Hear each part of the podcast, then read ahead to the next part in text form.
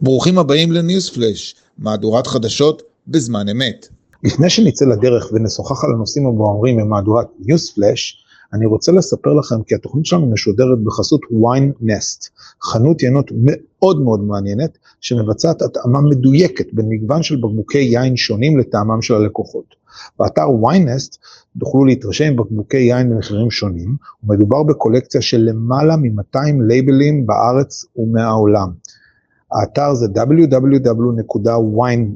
שזה w-i-n-e-s-t, נקודה store, כמו חנות. והנה הטבה מיוחדת למאזינים שלנו שרוצים לרכוש יינות מוויינסט. קופון הנחה מיוחד של 40 שקלים עם הקלדת ההנחה baby.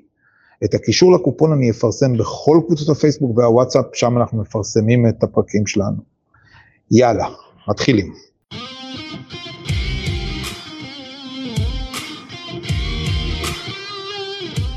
אמריקה בייבי, הפודקאסט שהוא שער הכניסה להבנת ההיסטוריה, החברה והפוליטיקה בארצות הברית, בהנחיית קובי ברדה.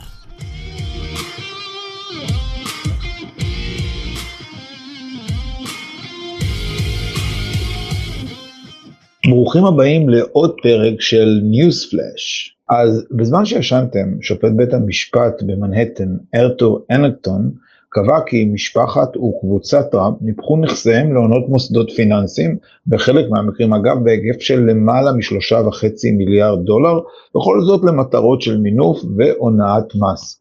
טראמפ כתב ברשת החברתית שלו, Truth Social, שהטענות נגדו על הונאה הן מגוחכות ולא נכונות, הוא קרא לשופט מטורף, ואף ציין שזה ציד מכשפות ברמה שעוד לא נראתה בעבר. חשוב להדגיש כי המדובר בתביעה אזרחית ואין המדובר במי מארבעת המשפטים הפליליים הפתוחים מול הנשיא בימים אלה, עליהם דיברתי בפרק הראשון של ניוספלאש. מזמין אתכם לחזור ולהאזין לו. הרעיון בתביעה שהוגשה על ידי התובעת, בחורה בשם לטישה ג'יימס, היא התובעת הכללית של ניו יורק, זה אגב אותה אחת שהגישה את ההליכים הפליליים בתיק עבירות מימון בחירות, כאשר נרשמה ההוצאה של בני השתיקה לכוכבת הפורנו סטורמי דניאלס כהוצאת אה, קמפיין שאיננה מוכרת וכיום מתבררת לפני בית המשפט בהליך אחר, שבאמצעות הניפוח שהוא עשה על הנכסים שלו, למשל אה, אה, מאות מיליוני אה, דולרים יותר השווי של הפנטהאוס שלו, הוא בעצם הצליח לייצר פלטפורמה להגדיל את ניכוי המס שלו בין השנים 2011 עד, עד שנת 2021 במשך עשור, למעשה גם בתקופה שהוא היה נשיא. אה, השופט עצמו, ארתור אמירטון, קבע כאמור בתיק האזרחי כי טראמפ ושניים מבניו, אריק ודונלד ג'וניור, והחברה שלו, ארגון טראמפ, הונו בנקים, חברות ביטוח וגופים אחרים, כאשר הפריזו משמעותית בערך נכסיהם בדוחות הכספיים השנתיים שהגישו. ולמעשה כעת זה אמור להיות מועבר בפני אה, אה, חבר מושבעים גדול, שאמור לקבוע את הסכום שיצטרך אה, לשלם טראמפ ותאגיד טראמפ ובניו ומשפחתו כקנס על אותן עבירות שהם ביצעו. כאמור, כל ההליך עצמו הוא הליך של משפט אזרחי ולא הליך פלילי. אין פה למעשה יכולת לסיים בכלא במשפט הספציפי הזה. חשוב לי להדגיש שהפסיקה הזאת היא מגיעה בשבוע שבו על פי סקר של רשת ABC והעיתון וושינגטון פוסט, טראמפ פותח פער ארצי, מה שנקרא ב-popular vote, הבחירה ברמה ארצית, שהיא כמובן הלא מחייבת, היא איננה בחירה על בסיס אלקטורים כפי שמתבצעת הבחירה בארצות הברית, אבל היא כן מאוד חשובה להבין את הלך הרוח הכללי, לפער מאוד משמעותי של 51% מול 42% של ביידן. למה זה קורה? ופה אני מנסה להכניס או לתת את ה sub context מאחורי הנושא של החדשות. התחושה המאוד גדולה של חלק גדול מהציבור האמריקאי, שיש פה קמפיין משפטי נגד טראמפ שמחזק אותו מאוד מאוד פוליטי. חלק גדול מאוד מהפעמים אה, טראמפ עושה שימוש גם כן בנרטיבים של אדם הנרדף, או מזכיר את עצמו בצורה ישירה לישו, ישוע, מתוך מקום שבו הוא נוטל את הנטל של החטאים של כולם, והוא בעצם זה שישב למעלה מ-560 שנה במצטבר הענישה של אה, אה, סך כל התיקים שהוגשו נגדו, הוא עושה את זה בעצם בעבור הציבור האמריקאי, בעבור היכולת שלא להכיל עבור האחרים את הסבל, ממש הנרטיב של ישוע. המהלך הזה הביא את הנשיא אובמה לפני למעלה מחודשיים להגיע לארוחת צהריים אצל הנשיא ביידן ולהגיד לו, תראה חביבי, אני חושב שמה שנעשה פה, הסיפור הזה של ההליך המשפטי מאוד מאוד מאוד מחזק את טראמפ.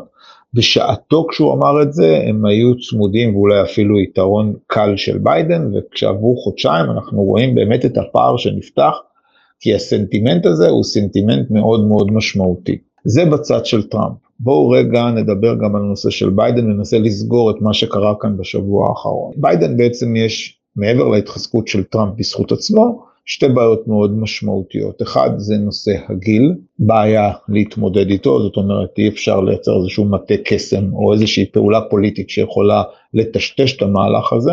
והדבר השני שהיא הבעיה היותר משמעותית, זה חוסר אמון של המצביעים במדיניות הכלכלית שלו.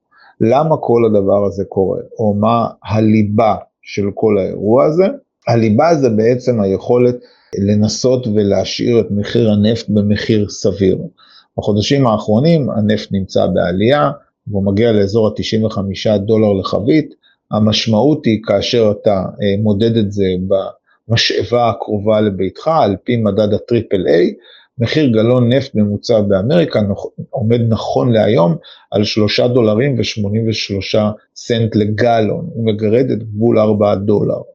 עכשיו, יש כבר כאלה שמדברים על זה שהמחיר העתידי של חבית נפט יגיע בשנת הבחירות לאזור ה-150 דולר.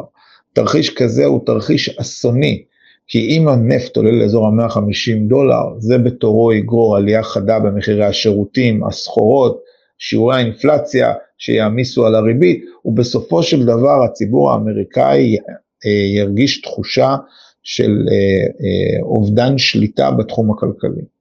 זו בדיוק הסיבה למה ביידן כל כך פעיל בהקשר של העסקה הישראלית סעודית, כי הוא מבין בחושיו המחודדים, לאחר שהוא הפסיד את בחירות האמצע וכמעט התרסק עם המהלך שהוא עשה בשעתו לצאת נגד MBS, שהוא צריך כעת לעשות הכל להפיס בעצם את אה, ברוני הנפט מהמפרץ ולהביא אותם לייצר אה, מקסימום נפט כדי שאפשר יהיה להוריד את מחיר החבית לאזור השלושה וחצי, אם אפשר שלושה דולרים, כדי שזה יוכל להחזיר אותו אה, לכיסא של הבית הלבן בעוד ארבע שנים.